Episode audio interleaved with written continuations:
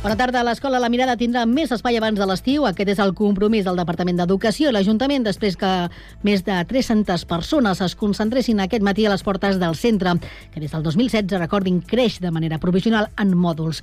Entre les peticions de les famílies i del mateix centre, comptar amb els mòduls necessaris per encabir el creixement de l'escola i poder desenvolupar el projecte pedagògic, ampliar el pati i comptar amb una cuina, entre d'altres. En paral·lel, l'Ajuntament estudia ubicacions alternatives per a la construcció de l'edifici definitiu, ja que els treballs treballs del projecte actual estan aturats de manera cautelar. Escoltem Jean-Marc Sagarra, que és director general de Centres Públics. Jo m'he compromès que al mentrestant els espais que facin falta els farem pactats ara per poder-los fer ja que estigui a finals de juny. Per tant, per una banda va la provisionalitat que han pactat i per l'altra segueix el seu curs que el més aviat possible volem executar el conveni de construir la mirada definitiva. Destaquem més qüestions. Sant Cugat assuma la condemna de l'assassinat masclista d'una dona de Palamós a mans de la seva parella, un home de 71 anys, el passat 3 de setembre. Els Mossos d'Esquadra investiguen la mort violenta, tot i que no ha detingut l'home que pateix demència. De fet, el sospitós pateix una malaltia mental degenerativa, irreversible i avançada, cosa que li impedeix prestar declaració judicial. La Divisió d'Investigació Criminal de Girona dels Mossos d'Esquadra s'ha fet càrrec del cas i el Departament d'Igualtat i Feminismes de la Generalitat ha condemnat els fets. L'acte de rebuig a la plaça de la Vila i on s'ha fet un minut de silenci en record de la víctima i en protesta pels feminicidis ha comptat amb l'equip de govern, també altres membres del govern, diferents regidors del ple municipal i treballadors de l'Ajuntament. Set entitats relacionades amb el sector immobiliari han presentat al·legacions a la resolució del govern que proposa controlar els preus dels lloguers a 140 municipis catalans pel fet d'estar en zones de mercat residencial tens. La mesura afecta el territori on viu el 80% de la població del país, afirmen les entitats. Les al·legacions se centren principalment en un suposat incompliment del procediment que estableix la llei de l'habitatge espanyola. Entre d'altres, els denunciants subratllen que la resolució no conté memòria justificativa per a cap dels 140 municipis. Sant Cugat és un dels municipis que es troba, segons el mapa i els estudis del govern de la Generalitat en zona del mercat residencial tens.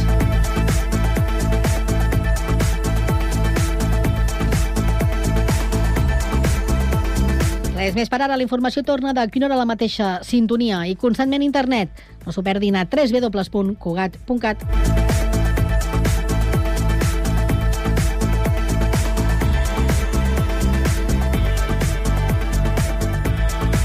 Cugat Mèdia, la informació de referència a Sant Cugat. Alexa, abre Radio San Cugat. Bienvenido a Radio San Cugat Cugat Media. ¿Qué quieres escuchar? ¿Radio en directo o el último boletín? Cugat Media estrena skill per poder escoltar Ràdio Sant Cugat des d'Alexa. Per exemple, l'actualitat de Sant Cugat. Alexa, pide a Radio San Cugat el último boletín. Escuchando el último boletín de Radio San Cugat. Cugat.cat Notícies. I també la ràdio en directe. Alexa, pide a Radio Sant Cugat la ràdio en directo. Escuchando en directo Radio San Cugat. L'artista local defineix la situació com a dura perquè... Ràdio Sant Cugat Cugat Mèdia, 91.5 FM, www.cugat.cat i ara també a través d'Alexa. La ràdio que necessites, ara més a prop teu.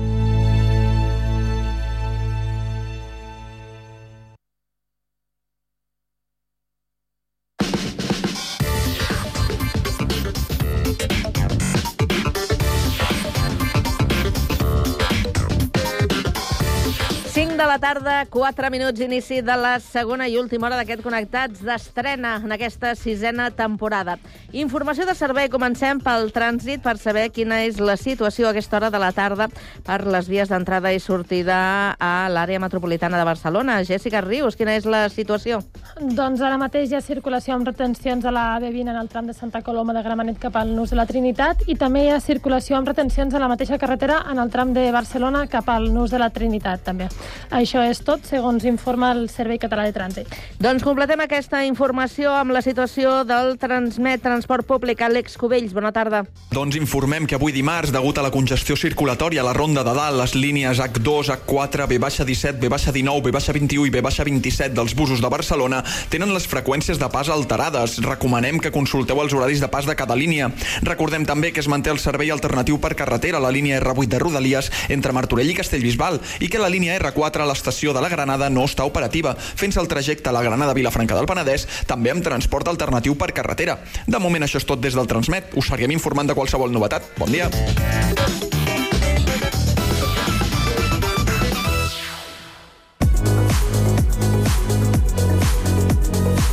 Cada tarda, de 4 a 6, Connectats. Una experiència radiofònica a Sabadell, Terrassa, Sant Cugat, Castellà, El Prat i Badalona.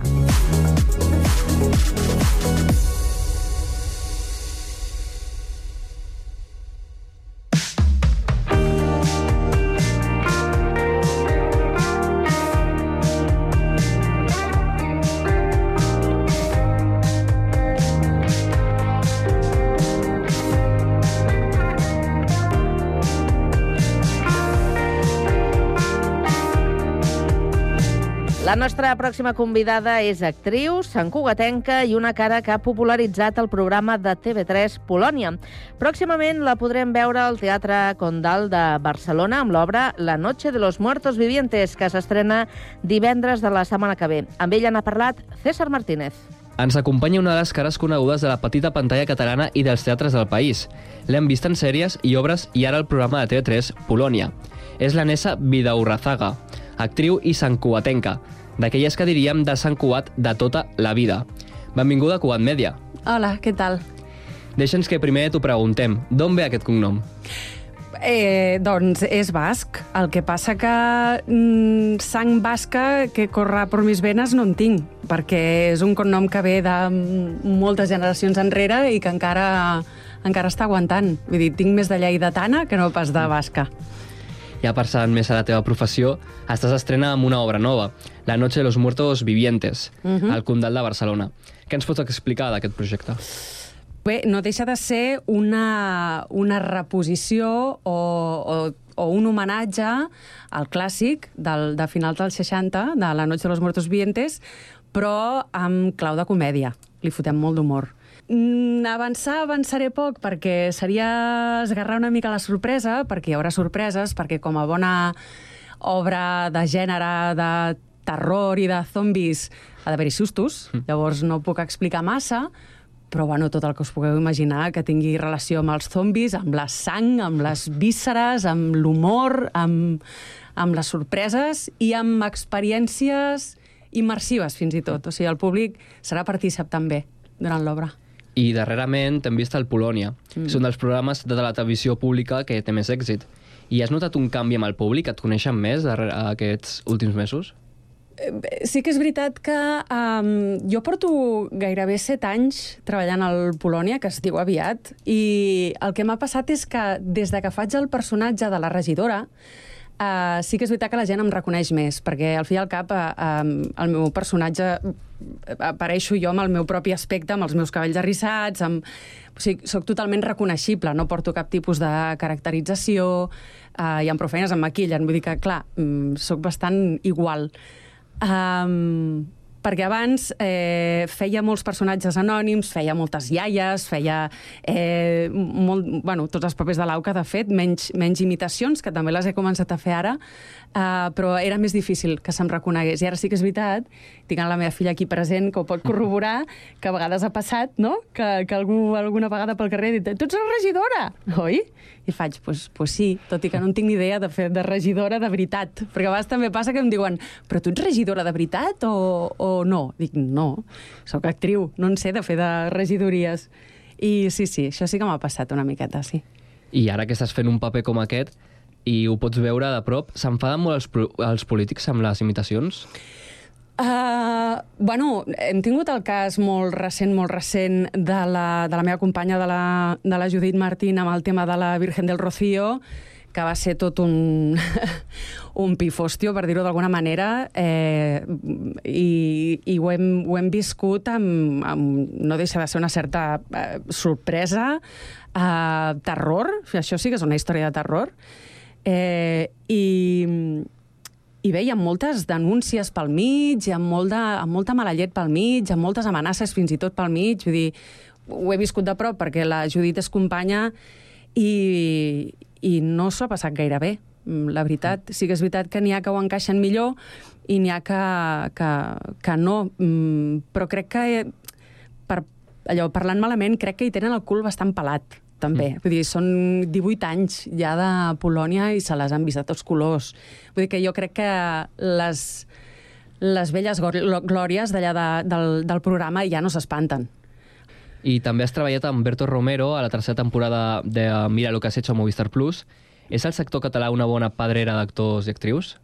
Indiscutiblement. O sigui, penso que tenim aquí un, una cantera meravellosa. A més a més, cada vegada hi ha més eh, llocs on poder-se formar no només cal passar per l'Institut del Teatre per dir alguna cosa, que jo hi vaig passar, eh, però que, que no és necessari. Hi ha escoles meravelloses arreu, i no només a Barcelona, que sembla estem centralitzant molt la cosa de Barcelona, sinó que a molts altres llocs. Aquí a Sant Cugat també hi ha una molt bona escola, la de la Sílvia Cervant, vull dir que crec que també tenim una gran, una gran, eh, això, una gran cantera d'actors i d'actrius, sí, tant. I, de fet, com has comentat, vas estudiar a l'Institut del Teatre. Mm. I com has viscut totes les informacions sobre els casos d'abusos a l'entitat? Bueno, són d'aquelles coses que... Clar, jo ja fa molts anys que vaig passar per allà i que no deixes d'identificar d'alguna manera, no? Um, jo també sóc d'una altra, altra època, d'una altra generació, i no per això estic justificant, ni estic uh, ni justificant-me ni justificant uh, actituds, eh? Um, però clar, suposo que en, en aquella època hi havia determinades coses que les tenies malauradament com més assumides o més normalitzades. Afortunadament, ara corren uns temps en què la gent ja no es calla les coses, i això està molt bé. Eh, però sí, no, no, no em va sorprendre. No em va mm. sorprendre. No, no, tard o d'hora havia de passar. I més acadèmicament, quins records tens d'aquella època? Ah, molta intensitat, però també perquè és que tot el món de l'actor i de l'actriu és que som una colla d'intensos, i més quan ets jove, mare de Déu, tu, tu vius amb una... sembla que sigui vida o muerte, no? Després amb els anys aprens i relativitzes i, i, i, i comences a guanyar amb, amb, amb, amb experiència i amb, i amb una certa calma. És, és una professió que també dona per, per viure les coses així, però per la seva pròpia natura. També és una professió molt inestable, eh, on hi ha molta competència, on no hi ha feina per tothom, i una mica aquesta sensació d'estar fent allò una carrera i traient la llengua en fora i de que has de ser el millor, has de ser la millor... Hosti, eh, aquells anys d'unir o de, o de això de de carrera van ser, van ser intensos, van ser convulsos, van ser preciosos, però alhora van ser el fonament de moltes coses. Eh, tinc un bon record agradols. Tinc un, sí, m'estic contradient. Tinc un record agradols. Sí, agradols, podríem dir. Ara amb la distància és més maco, eh? Per això, però en aquell moment vaig viure moltes coses. Clar, i tu sempre has, vas voler ser actriu? Sí, definitivament sí. Vaig començar amb la dansa i, de fet, vaig començar a fer dansa aquí, a Sant Cugat, també. En aquell moment era a l'estudi de, la, de la Pilar Roig i vaig fer dansa clàssica. En acabat, com que la dansa clàssica em resultava malauradament, amb lo bonica que és, eh, però jo, que era un cul inquiet, em semblava avorrida i repetitiva, vaig, vaig saltar a l'Esbart i vaig ser part de l'Esbart, d'aquí de Sant Cugat també. Eh, però a mi em faltava el tiqui-tiqui, em faltava palique. I aleshores, aquí també, a Mirasol, al casal de Mirasol, vaig començar a fer teatre. I aquí ja em vaig enganxar. Em, tenia uns 15 anys, em sembla, quan vaig començar a fer teatre, 15-16 anys, i ja no vaig poder parar. I en aquest moment, amb 15-16 anys, com li expliques al teu entorn que et vols dedicar professionalment a ser actriu? Doncs mira, tinc el record d'anar amb la meva mare, que sempre ha estat una gran aliada, amb, amb, tot, amb tot el que he volgut i amb tot el que he somiat. Sempre he tingut el seu recolzament. I recordo que ella mateixa em va dur a veure la primera versió del Maricel que es va fer a Barcelona, amb l'Àngels Gunyalons, etc etc. I recordo que em va patar el cervell i va acabar la funció, vaig plorar molt, i vaig dir, mama, assenyalant no, a l'escenari, vaig dir, mama, jo vull fer això i no em va caler donar més, més explicacions. Estava molt clar. A més, és que ja m'ho veien. Jo de petita ja feia molt el pallasso per casa i explicava històries i em disfressava. És que es mm. veia venir. I tu com et definiries com a actriu? Hòstia, quina pregunta més difícil. És d'aquelles preguntes que els hi sents a dir amb altres i, fa, i, i escoltes les respostes i dius ah, molt, molt bé aquesta resposta, me l'apuntaré. I ara m'has pillat a, en bragues. Com em definiria com a actriu? Uh, mira, no ho sé ni mètodes ni hòsties. Vull dir, perdó, uh, soc molt juganera. O sigui, soc, de, de, com a actriu, sóc com molt fidel a lo que és l'art de l'actuació. Així com amb altres idiomes, uh, uh, actuar, no? amb l'anglès mateix, és el, el to play. Eh, jo crec que sóc... Eh, bueno, em sento com més familiaritzada amb aquesta manera d'entendre aquesta professió que una altra cosa. Llavors, jo crec que a partir d'aquí una mica el que m'etxen. M'agrada fer de tot, m'agrada fer comèdia, evidentment, però sobretot el que m'agrada és jugar, ser, ser proactiva, ser creativa, uh, no esperar que se'm digui sempre el que haig de fer, sinó poder proposar, mirar de fer-ho de més maneres, anar buscant... M'agrada estar activa, sempre. Inés, has explicat que et vas meravellar amb Maricel. Mm. Eh, quines són els teus actors o actrius referents per, durant aquests anys? Hòstia, eh, pff, he tingut la gran sort de conèixer molta gent um, i crec que cada persona amb la que he treballat... O sigui, soc molt soc molt d'ídols també, eh? d'ídols d'allò, de la gran pantalla, no? de, de, de grans noms del, del, del cinema americà, del, del, de, les, de les sèries angleses, sóc una fanàtica, uh, m'encanta... Uh, soc molt consumidora de sèries i sobretot de, de, de comèdia, i de comèdia anglesa, que tenen més mala baba. Eh, però, però com a referents, referents, m'ha agradat sempre um, aprendre de la gent que he tingut més a prop. Um, I he estat amb, amb gent fantàstica. Vull dir, abans anomenaves el, el Alberto mateix, que va ser com un somni treballar amb ell, i veure'l en acció, i veure'l fora d'acció, fins i tot em va ensenyar més com a persona i com a professional que no pas veure'l a través de la pantalla no? Mm. I, I això és el que m'agrada, és quan em puc relacionar amb aquestes persones, grans noms i noms que no coneix ningú, que m'han ensenyat eh, moltíssim des de, jo què sé, fent comèdies amb, amb el teatre, amb, amb el Francesc Ferrer, per exemple, que és un tio que és el Woody Allen català, amb el que no m'he pogut pixar més de riure a sobre de l'escenari, o, o l'Eva Barceló, o la Susana Garatxana, que és una bèstia parda de la comèdia i que, i que no és just perquè hauria d'estar treballant molt més, o companys i companyes del Polònia, que a part de sortir al Polònia també fan teatre i que són també unes bèsties pardes. És amb la gent amb la que estic a prop, o fins i tot el meu company. És, és el primer i gran exemple i, i model Uh, I a qui més admiro, que és el Roger Julià, que és l'home multitasking, que tant actua, eh, et dirigeix, com et compon música, com està al, amb el RUM fent uns espectacles de pallassos meravellosos. Vull dir que estic, estic envoltada de gent molt guai. I durant el confinament vas fer una sèrie. Va ser una època difícil per al sector. Ja podem dir que s'ha recuperat?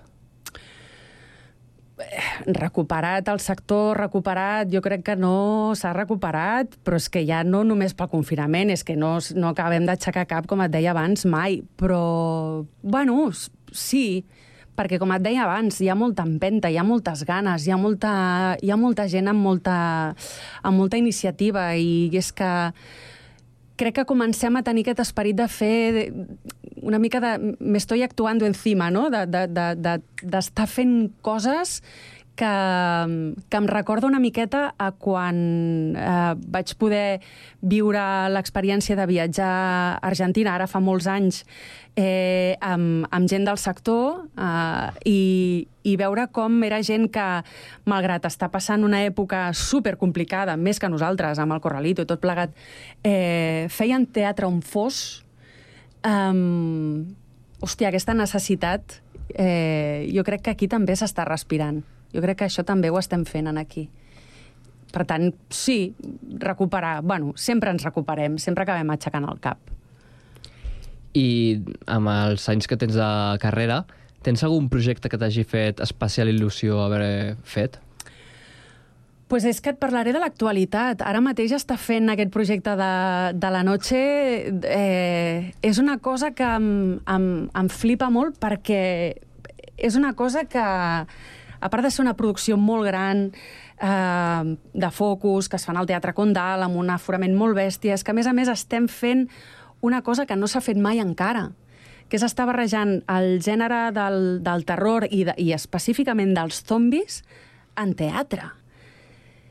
I això o, o, o lo petamos o ens n'anem a la merda. I jo crec que ho petarem, perquè, perquè realment la proposta que s'està treballant és molt xula, crec que està oberta a un ventall molt ampli de públic, no només pels que estan acostumats a anar al teatre com a espectadors, sinó per tota aquella gent que no va al teatre però que és fan del gènere. O sigui, tots aquells mal anomenats friquis, no? Mm. Que, que els hi mola el gènere del terror i dels, i dels zombis, i fins i tot dels que concretament són molt fans d'aquesta pel·lícula, eh, podran viure una experiència nova i diferent en el teatre. I és un tipus de nou espectador que jo crec que també els hi pot agradar moltíssim. I estic super encantada per això. I has fet molt teatre, eh, també televisió amb el Polònia i les sèries que has fet. Què t'agrada més? Uf, teatre teatre, teatre, teatre, teatre. Tot, tot, cada, cada cosa té, té les seves coses bones i, i, i, té, i té el seu encant i, i és molt xulo. Um, però hòstia, la, la cosa que et dona el teatre quan estàs en escena i treus el pauet a l'escenari i d'allà ja no surts fins que acabes i tens el públic allà present i el notes i sents com respira i notes com reacciona i és una cosa és una comunió entre tu i, i el públic, aquesta sensació no, no, no es dona cap altre lloc. I a part tancar, de Sant Cugat, a quina zona vius i què és el que més t'agrada de la ciutat? Mira, jo sóc mirasolenca de tota la vida, no? Quan, quan parlàvem d'això de ser de Sant Cugat de tota la vida, he viscut a Sant Cugat també, eh? A Sant Cugat, Sant Cugat. Uh, de fet, la meva mare viu aquí al darrere Collfabà des de fa més de 20 anys. Uh, van viure al carrer Martorell també. M'he mogut molt per Sant Cugat, però de naixement eh, he viscut a, sempre a Mirasol. I, de fet, en els meus anys d'institut me'n vaig anar a viure a Barcelona, després he anat a, a diferents llocs, però he tornat cap a casa. I de zona que d'així de Sant Cugat que m'agradi, bé, Mirasol m'agrada perquè és casa i la reconec com a tal, no per una qüestió de bonic o no bonic, sinó perquè és casa i perquè és supertranqui, també. I, i en acabat eh, de Sant Cugat, bueno, té, té racons molt encantadors i, hòstia, és que tenim aquí un patrimoni monumental espectacular i jo, tot i haver-lo vist eh, milers de vegades, segueixo flipant amb el, amb el monestir que tenim, per exemple. O sigui, eh, hi ha aquests carrers, carrerons, petitons, peatonals que tenim per aquí al mig. Vull dir que Sant Cugat té molt d'encant, sobretot la zona la zona cèntrica i la, o la que s'ha conservat més o menys, diguéssim, del record que en tinc jo de quan era petita, perquè, clar, ha crescut tant també que... Pff, ves i, i, i a mi m'envies a segons quin barri i no sé molt bé on estic, però, però la zona de, així com de tota la vida, sí, és molt bonic. Doncs moltes gràcies, Nessa Vidaurrazaga. S'ha dit bé el cognom. Ja, ho sé, ho sé, ho sento. És complicat, però s'ha dit bé. Sí, però és divertit sentir-vos patir. Et desitgem molta sort des de Cugat Media amb la teva obra de la Noche de los Muertes Vivientes i que vagi molt bé. Ja vindreu. Jo crec, jo crec que sí. gràcies.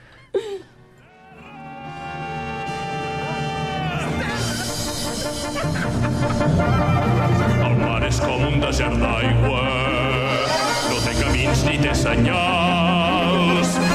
És un desert d'onades,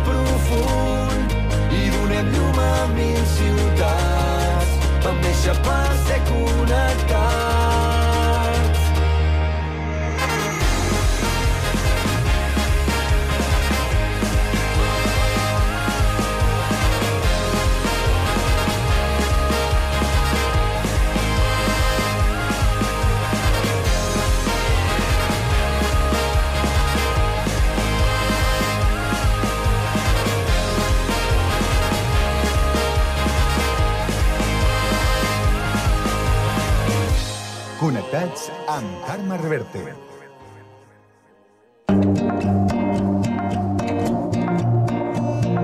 Bocabadats.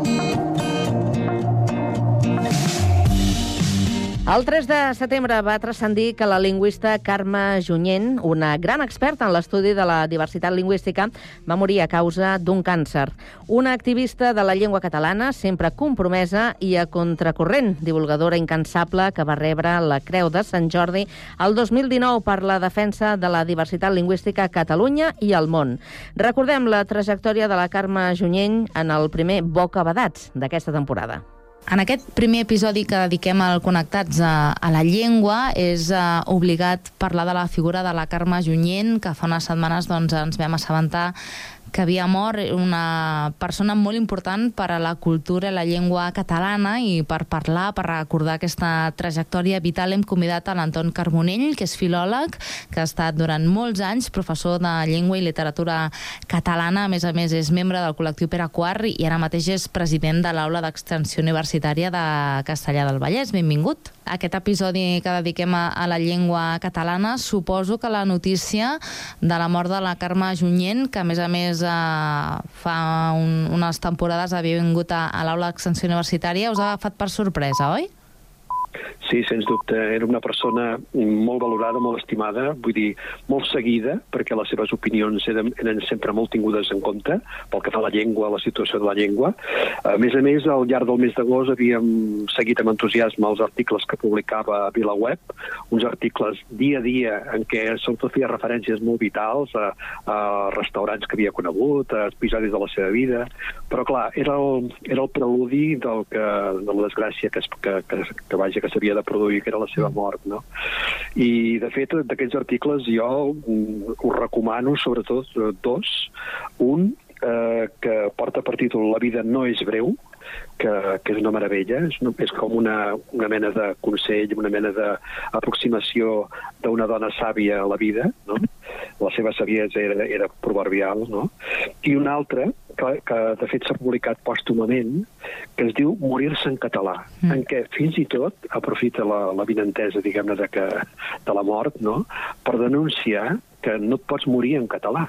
Vull dir que realment l'atenció mèdica que tenia al seu voltant, molt sovint, eh, topava amb la barrera de la llengua, no? Vull dir que fins i tot algun metge que li deia però vostè no, no, no sap parlar en, en castellà, no? Mm. Que, bueno, total, que era una qüestió, mm, jo us el recomano perquè és un article realment interessant i que fins al final, doncs això, eh, la Carme Junyent va ser una dona que, eh, que va denunciar situacions eh, injustes, com era aquesta, no? per, per exemple. Aquests articles que comentes, per la gent que, que ens estigui escoltant, es poden trobar al cercador de, de VilaWeb. Eh? Busqueu sí, Carme Junyent, jo ho he fet i, i m'han sortit una pila. Eh? Aquest que deies de morir-se sí, sí, en català, però sí. mira, rituals, comiats i records de, de tot, eh? Molts articles molt interessants, però el que hauríem de fer, em sembla, és eh, explicar una miqueta la seva trajectòria vital, no? Qui va ser la Carme Junyent i per què ara mateix la recordem tant, no? Quina és la seva importància sí.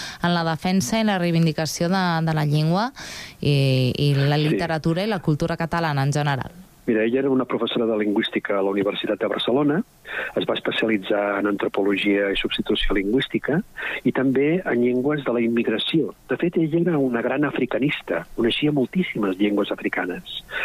I bé, en tot això la va portar, diguem-ne, a ser molt sensible davant d'aquesta eh, situació de substitució lingüística que, per exemple, pateix el català. No? O sigui, mm -hmm. eh, de fet, el seu camp de recerca científica la va portar a alertar no, amb un gran coneixement de causa sobre els perills de la desaparició de la llengua catalana si no hi havia allò que en diuen un canvi de comportament per part dels parlants. No? De fet, un dels seus llibres més importants no? és el llibre que va fer amb la periodista Bel Zavala, que es diu El futur del català depèn de tu, que és del 2020, no? i que és un llibre important precisament per això, per la necessitat de mm, defensar la implicació dels parlants perquè la llengua pugui tenir pugui sobreviure. No? Mm -hmm. També crec que, que ella, eh, a banda de, de tota aquesta qüestió que comentes, eh, va viure alguna situació més aviat polèmica en referència, recordo, al llenguatge inclusiu, no? Mm, sobre sí, les opinions que tenia o no tenia, si ens ho pots eh, una mica també fem, fem memòria no, de, de totes aquestes qüestions? El gènere és senzillament un procediment de classificació dels substantius que es manifesten les concordances. Si jo dic aquest és el clau que havia perdut o aquesta és la clau que havia perdut, senzillament faig servir el gènere, canvien les concordances, per parlar d'objectes diferents. El gènere serveix per això, per afegir nous significats al lèxic. Per exemple, tots sabem que no és el mateix el terra que la terra, no és el mateix el roc que la roca, no és el mateix un assecador que una secadora si ella realment estava en contra, això que en diem el desdoblament lingüístic, no? Ella tenia una expressió molt, molt diguem xocant, no? que deia, diu, que s'acabi aquesta comèdia de desdoblar en masculí i femení, no? Ella creia que això era una cosa ridícula, no? Diu, no la gramàtica catalana no accepta això, vull dir que és, és una qüestió purament gramatical, no és una qüestió de, de respecte, vull dir, és una qüestió, igual que l'anglès o mm. que el francès tenen els seus elements propis de llengua gramatical, doncs el català té aquest i, i no, no comporta cap tipus de, de diguem-ne, d'element de, de, que sigui sospitós de masclisme o jo què sé, no? Vull dir que en aquest sentit eh, era, era molt clara, no? Diu, jo, per exemple, tinc una classe que són tot d'alumnes, de noies, i m'adreço masculí a elles. Diu, benvinguts, no? Diu, a classe, no? Vull dir que no, no, no cal entrar en aquesta qüestió que, que va contra el geni de la llengua, no? Sí, sí. Hem de recordar també que la Carme va ser membre d'honor de la Càtedra UNESCO del Patrimoni Lingüístic Mundial, també Creu de Sant Jordi, el 2019, com explicaves tu, autora d'una pila d'articles i, i de llibres, també va dirigir l'inventari de llengües que es parlen a Catalunya, que actualment són més de 300, i, i també una de, de les persones que va fundar el grup d'estudis de llengües amenaçades i del grup de lingüistes per la diversitat. És a dir, que tot i que va morir molt jove, va fer moltíssimes coses, eh? va treballar moltíssim fer, sí. i es va implicar molt. Sí, sí. Sí, sí, realment, vull dir que ella tenia una mica també aquesta sensació, de fet sembla ser que ho comentava no, a la gent del seu voltant, que tenia la sensació d'una vida completa, no? Vull dir, a vegades eh, quan un es mor, no, dius, ostres, les coses encara que hagués pogut fer, no? Mm. I sens dubte, la Carme Junyent hagués pogut fer encara moltes més coses, no? Però això que dius, per exemple, no, el fet d'haver impulsat aquest grup d'estudi de llengües amenaçades i la bona feina que van fer, no? Va col·laborar amb diversos organismes internacionals, no? I, i de fet, Um, també, per exemple, va fer una feina que voldria destacar amb el, amb el Consell Lingüístic Assessor. Es va anomenar un Consell Lingüístic Assessor per part de la Generalitat, no? i van establir 50 mesures per reactivar el català a l'ensenyament. Eh? Ella era de l'opinió que la immersió lingüística no havia funcionat. Era molt crítica, no?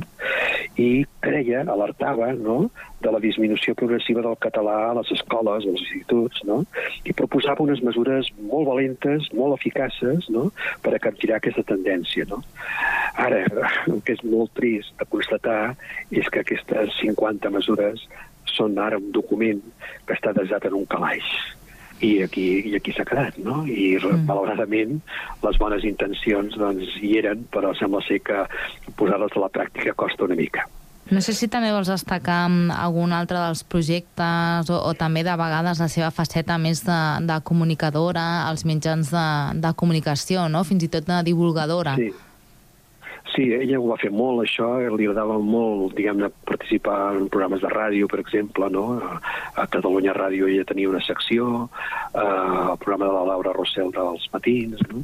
I, i realment hi creia molt en els mitjans, no? I sempre que demanava, li demanaven per fer una conferència o per ser entrevistada, de seguida s'hi si prestava, perquè sabia que, que era important de, de donar a conèixer les seves opinions, no? O sigui que en aquest sentit era una dona que tenia una afany de comunicació, de contacte amb els altres, perquè sabia que, que les seves opinions podien ser una aportació interessant. No?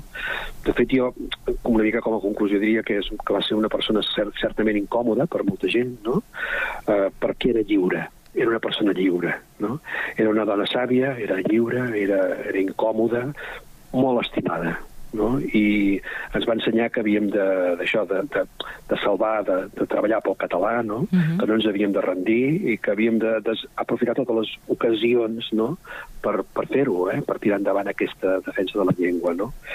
Per tant, jo diria que és una dona que ens ha deixat un missatge molt potent, que ha tingut una vida molt plena, i que nosaltres hem, hem de, cara, hem de tenir-la encara molt viva, amb les seves opinions, amb els seus llibres, amb tot el que va fer, perquè crec que ens pot ser de gran, gran utilitat.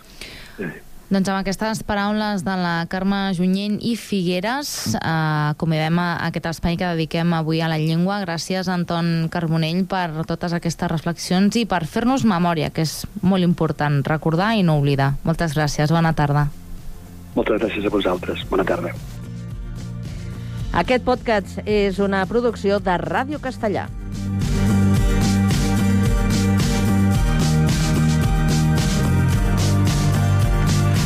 Recupera aquest podcast a la xarxa Més i a la web de la teva emissora local.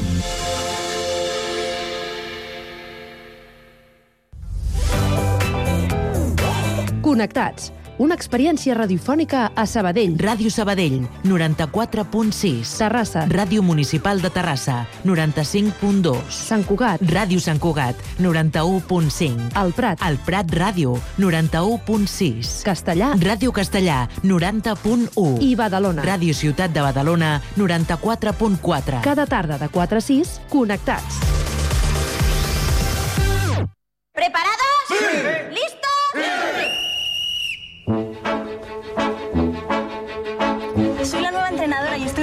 Equipo de los amigos. ¿Y, ¿Y, tú qué experiencia tienes? Estas van a ser mis primeras prácticas, son obligatorias. Me refiero como entrenadora. Ah, eso cero.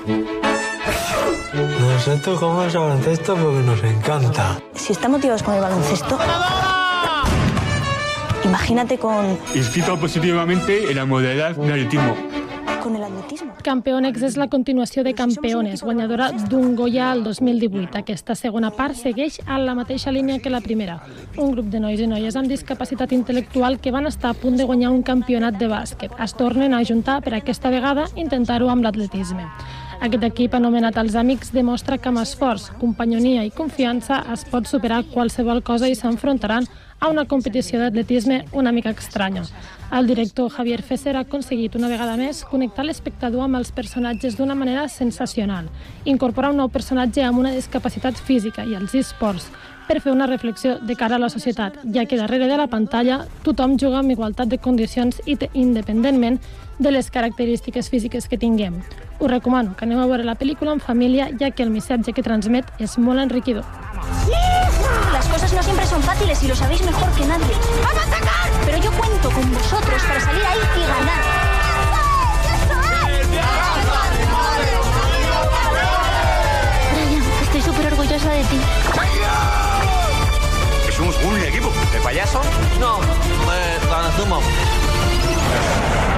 Jesús, ¿tú nos tiras? Yo no, yo no tengo eso.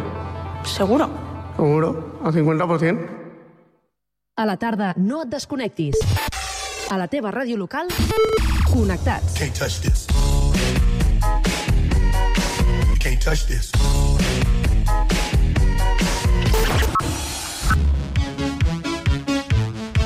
Can't touch this. Can't touch this.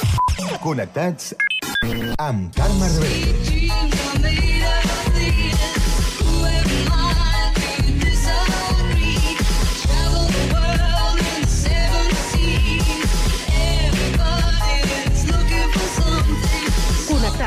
Una experiència radiofònica a Sabadell, Terrassa, Sant Cugat, El Prat, Castellà i Badalona.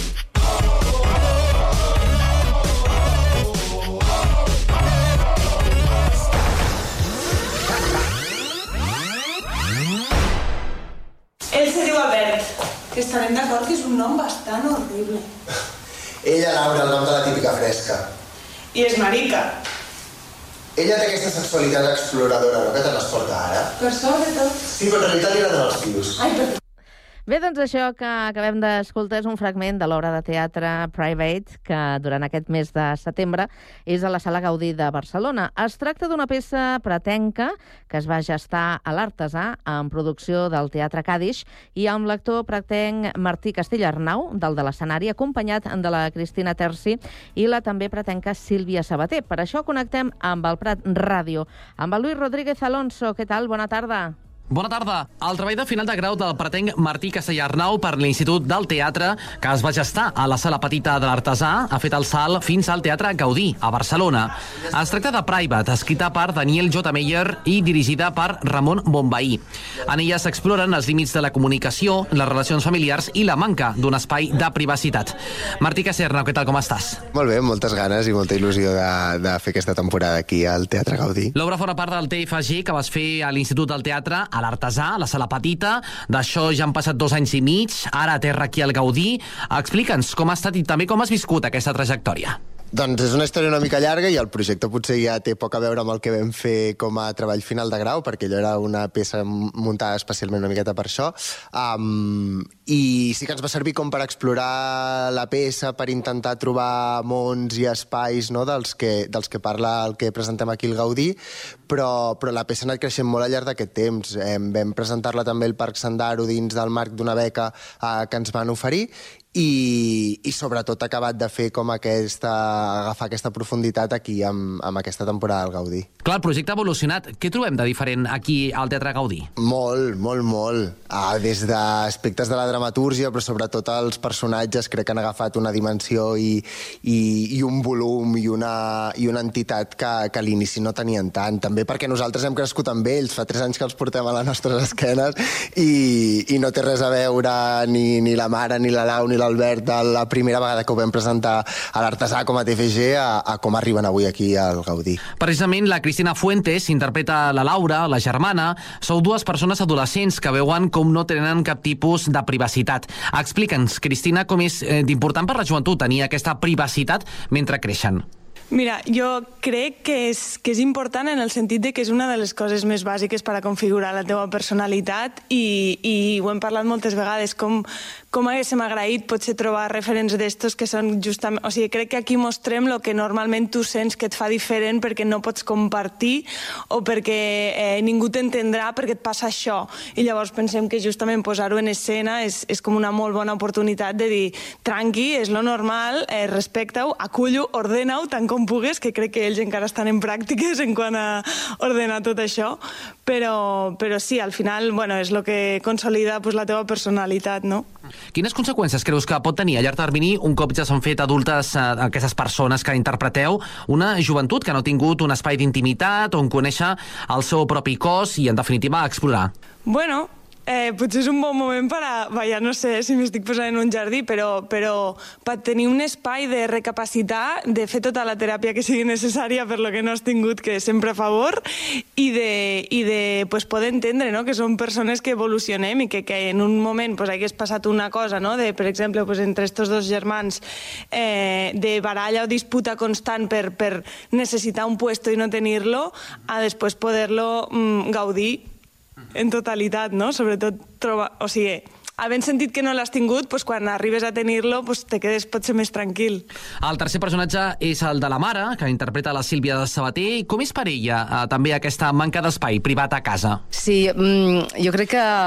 Mm, bueno, eh, ells no tenen privacitat, però la mare tampoc. Aleshores, eh, acaba sent una olla a pressió, aquesta família, perquè també ella és una dona que ha vingut a menys, que la vida li ha fotut una hòstia molt gran i que mm, l'ha superat, i aleshores mm, no té eines per, per, per ajudar-los amb ells. Aleshores, en comptes d'això, d'ajudar-los, encara és com un element més distorsionador i més, més o sigui, no?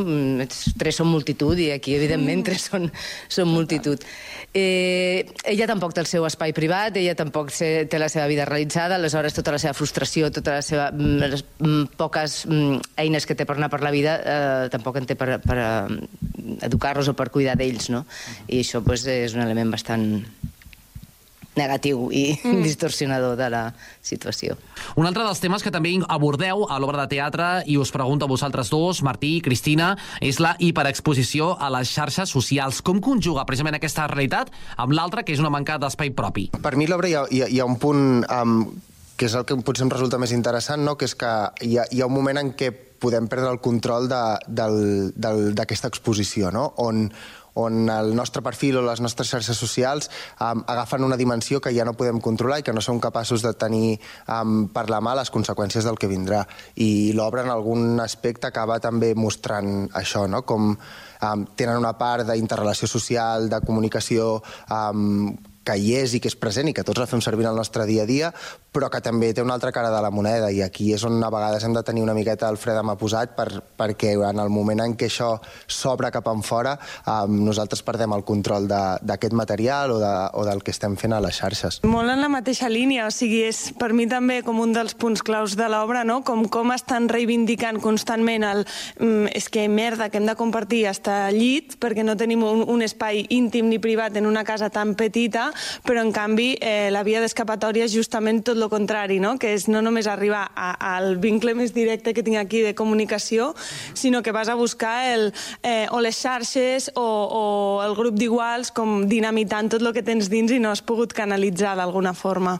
I és curiós perquè passa, no? O sigui, és com que aquí potser ho portem a una volta més de de rosca i va una mica més a pues això, la hiperexposició, no només l'exposició, però alhora m'ho donem compte molts dies després d'assaig que penses el primer que fas és com justament obrir Instagram i, i aïllar-te de, del, pues, de la regirada que t'ha pogut suposar l'assaig per a veure xarxes, xarxes. I això com ho viu la mare? Perquè segurament és una realitat, la de les xarxes socials, que potser se li escapa. Sí, jo crec que la mare està totalment out de- d'aquest món, vull dir, no controla gens i, i li, supera, li supera molt, vull dir, no, no, no té cap control sobre les xarxes eh, en, en els seus fills i ella no les fa servir. Jo crec que aquí també és un element més de distanciament entre les dues generacions. No? Trobeu que es parlen prou d'aquests temes? Home, jo crec que es parla cada vegada més perquè cada vegada són més, més evidents, però és el que te preguntava abans, quan és prou? Vull dir, quan, fins que s'han solucionat, és, és molt complicat solucionar el tema.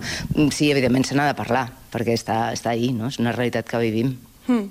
Jo crec que també sí que se'n parla i també és això, no? Cada vegada més, també en plataformes, mm, material audiovisual i tal, sí que és un tema que està molt, potser a l'ordre del dia, però sí que pues, potser nosaltres aquí, en la direcció també del Ramon, hem intentat molt donar-li com la nostra veritat o el nostre punt d'humilitat i de pensar, se'n parlarà més o menys o més ficcionat o menys, anem a veure què mos fa responsables d'això o què podem portar en escena de totes aquestes temàtiques que, sense cap dubte, mos interpel·len i, i mos afecten al nostre dia a dia. A l'obra parleu d'aquests temes que afecta el jovent. Quines solucions creieu que caldria entomar per tal de revertir-ho? Ui, que agosarada la pregunta. Uh, Jo disparo i... sobretot parlar-ne i parlar-ne sense tabús i sense problemes. Eh, Posar-ho damunt de la taula i, i adonar-te'n que en el fons compartim moltes d'aquests estigmes o moltes d'aquestes preocupacions i que en el fons són tots persones que vivim en, a, en aquesta societat i si en parlem també podem generar empatia, podem generar vincles, en podem, eh, podem treballar per sortir-ne i per, i per sortir-ne més forts. I crec que, que això és un dels grans valors també que té el teatre, que posa un mirall als espectadors i, i, i parla de coses que una o altra eh, t'atravessen d'alguna manera. Um, o sigui que sobretot parlar-ne i molta consciència i, i sense cap por. Um, no, són, no són temes ni qüestions que ens han d'avergonyir ni, que, ni que ens han de, de fer sentir petits. Evidentment parlen de la vulnerabilitat i parlen de, de com som com a persones, però, però posar-ho damunt de la taula i parlar-ne crec que és la millor manera. Clar, en, el meu cas, el cas del meu personatge, de fet, ella eh, és incapaç de parlar d'això, precisament, amb els seus fills. Un dels temes és aquesta incomunicació, no? I suposo que hi ha una generació de gent més gran que, que nega aquestes realitats, que igual la té aquí davant, no?, amb els seus propis fills o la seva pròpia família, i, i és com, no, no, això, esto no existe, no, no vull parlar d'això, no vull saber res. Per tant, si se'n parla, vull dir, també és una manera de, de fer-ho com més evident, no?, i de dir, eh, ja no podem deixar de parlar d'això, no? Mm.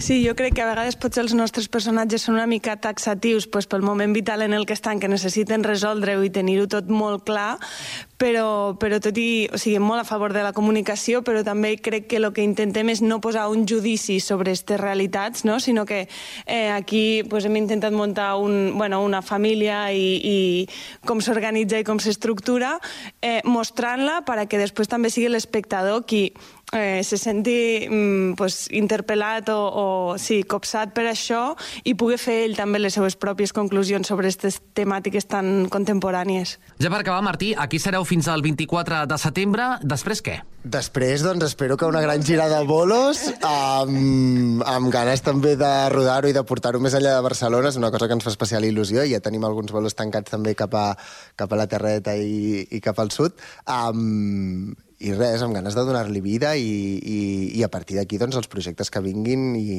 i cap endavant. Martí, Cristina, Sílvia, moltes gràcies i molta merda.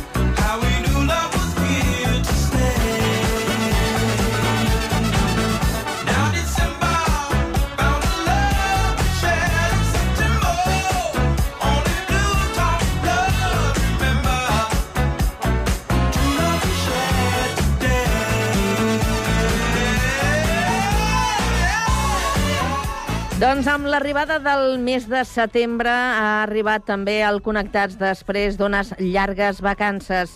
Avui acabem aquesta primera edició, que arriba just després de la diada, en un dimarts. Si us ha agradat, demà en tenim més. En l'edició de dimecres tornarem, com sempre, puntuals a la cita, a partir de les 4 i 4 minuts. Adéu-siau.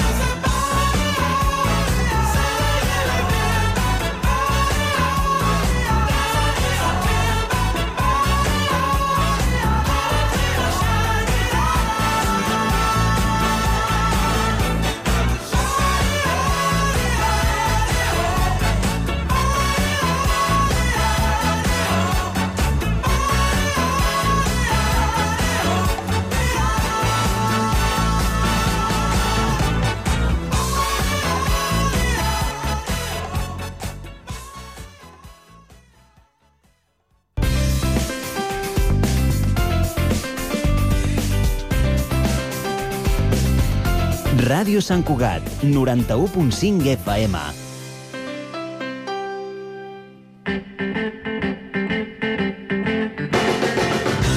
Sant Cugat, Braseria La Bolera, el restaurant braseria situat al vell mig de la ciutat.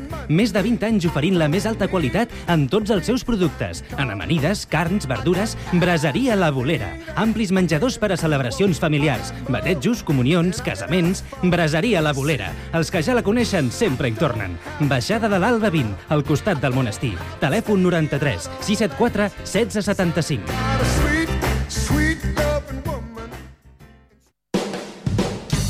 El sabor autèntic i natural, amb garantia d'origen, el trobaràs a Carnisseria Sagarra. Des de 1960 treballem per portar els millors productes a la teva taula. Carns i aus de primera qualitat amb totes les garanties sanitàries. Carnisseria Sagarra. Qualitat, servei i professionalitat en carns, plats preparats i amb tots els nostres productes. Som al carrer Francesc Moragas 13 i en Davallada 22 de Sant Cugat del Vallès. Ara també pots fer la teva compra online a www.cesagarra.com. Compte, no el toquis, que es trencarà. Que no el toqui? És un piano, és per tocar. T'imagines si a Mozart li haguessin dit Amadeus, no el toquis, que es trencarà. ens hauríem perdut moltes coses, no? Per què en comptes de pensar en tot el dolent que podria passar si fas alguna cosa, no penses en totes les coses bones que podrien passar? Assegurances Catalana Occident, perquè la confiança et fa la vida millor. Grup Catalana Occident. La banda sonora de la teva vida.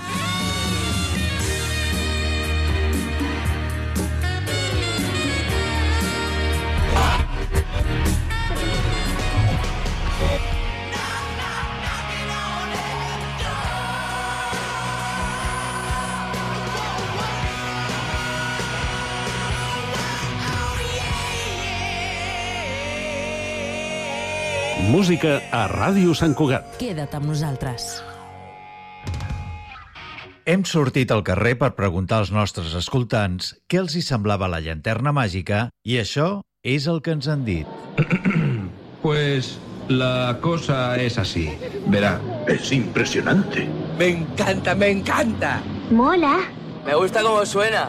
¡Qué bonito! Si us agrada el cine i les bandes sonores, vosaltres també podeu formar part dels escoltants de la llanterna màgica. Tots els dijous, a les 10 del vespre, la llanterna màgica a Ràdio Sant Cugat. Ràdio Sant Cugat, Cugat Mèdia, www.cugat.cat.